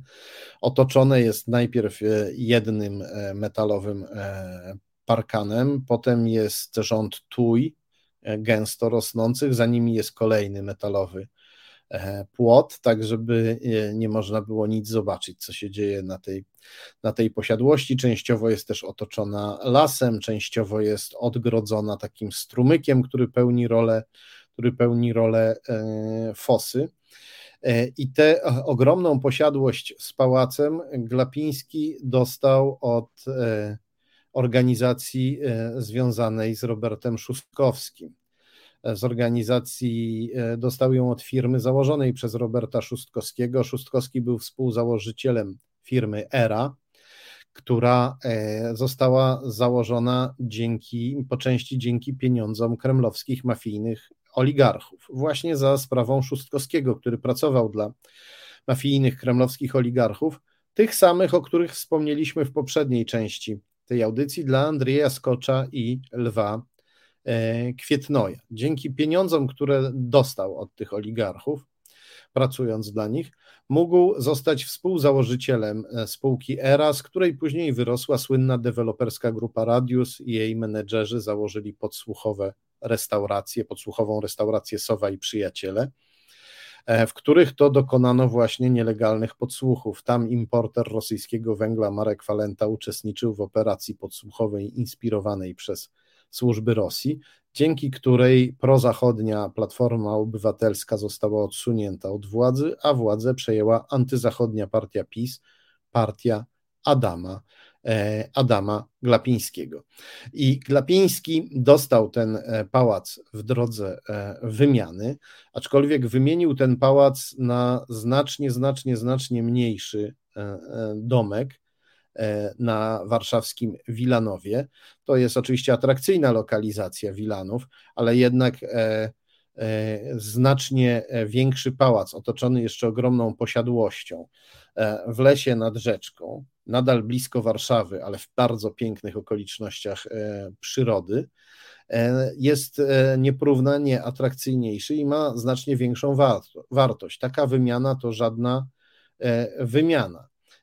To, to po prostu łapówka. I tę łapówkę Glapiński dostał od Roberta Szustkowskiego, od polsko-rosyjskiego biznesmena powiązanego z kremlowską mafią sącewską i jej oligarchami Andrzejem Skoczem i Lwem Kwietnojem, od Roberta Szustkowskiego, który był polskim przedstawicielem rosyjskiego mafijnego banku Montaż Spiec Bank, którego to banku dokumenty Glapiński ukrywa w swoich archiwach i nie chce pokazać ich gazecie wyborczej. E, tak się to wszystko splata, tak się to wszystko zagęszcza, jak mówi Klementyna e, Suchanow, która też nam opisała w swojej książce To jest wojna, podobną sieć związków z Rosją. Ja gorąco polecam moje książki. E, Macierewicz i jego tajemnice, gdzie jest mowa o Szustkowskim, jak również książkę Macierewicz, jak to się stało, gdzie jest mowa o człowieku o SB-ku, który chronił Antoniego Macierewicza za czasów PRL, to był pułkownik, wcześniej podpułkownik Stefan Mikołajski. I tak się składa, że Stefan Mikołajski działał e, w Departamencie 3A, który później stał się Departamentem 5 Komunistycznego Ministerstwa Spraw Wewnętrznych. I tak się dziwnie składa, że w tym samym departamencie działał Jan Larecki, który później przeszedł do wywiadu, a właściwie wrócił do wywiadu, ponieważ e, e, Jan Larecki skakał tak między wywiadem a departamentem pułkownika Mikołajskiego. E, Jan Larecki, ten sam, który szefowi wywiadu PRL, Janowi Słowikowskiemu, polecił Adama Glapińskiego, o czym mogliśmy się przekonać dzisiaj. Wiem, kochani, że to, o czym mówię, jest bardzo splątane, no ale tak się tworzy dobre sieci wpływu, żeby wszyscy byli od siebie na różne sposoby zależni i równocześnie, żeby trudno było te sieci rozwikłać i zorientować się e, dokładnie, jak one funkcjonują. A jednak to robimy, robię to ja, robi to Klementyna Suchanow i robi to Reset Obywatelski, e, który e, jak już wiecie, nie ma sponsorów na Kremlu, nie ma sponsorów na Nowogrodzkiej, nie ma sponsorów państwowych, nie ma sponsorów e, prywatnych, więc jesteśmy znacznie biedniejsi niż Ordo Juris, ale jesteśmy bogatsi o Was, bo mamy Was, sponsorów obywatelskich. Bez Was takie e, rzeczy, to co robimy w resecie obywatelskim, byłoby niemożliwe. Bez Was niemożliwe byłoby na przykład pokazanie e, esbeckiej teczki Adama Glapińskiego, którą dzisiaj analizowaliśmy. Dlatego gorąco Wam dziękuję za każdą formę wsparcia. Za lajki. Raz jeszcze bardzo proszę o lajki, bo każda łapka w górę zwiększa widoczność tej transmisji. Za komentarze, bo one też pomagają. E, za udostępnianie w mediach społecznościowych. Ono jest kluczowe, żeby jak najwięcej osób się dowiedziało e, o tym, że e, można takie fakty, jak te, które tu przedstawiamy, poznawać. Za wysyłanie linka do tej transmisji znajomym.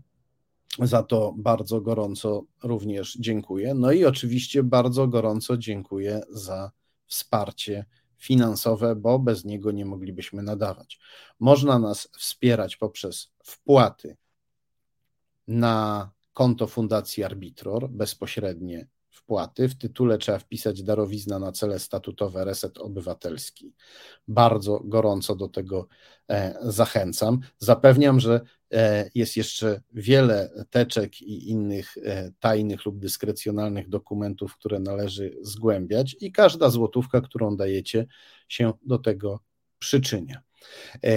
Bardzo zachęcam też do wspierania nas na portalu zrzutka.pl tam również można nas wspierać.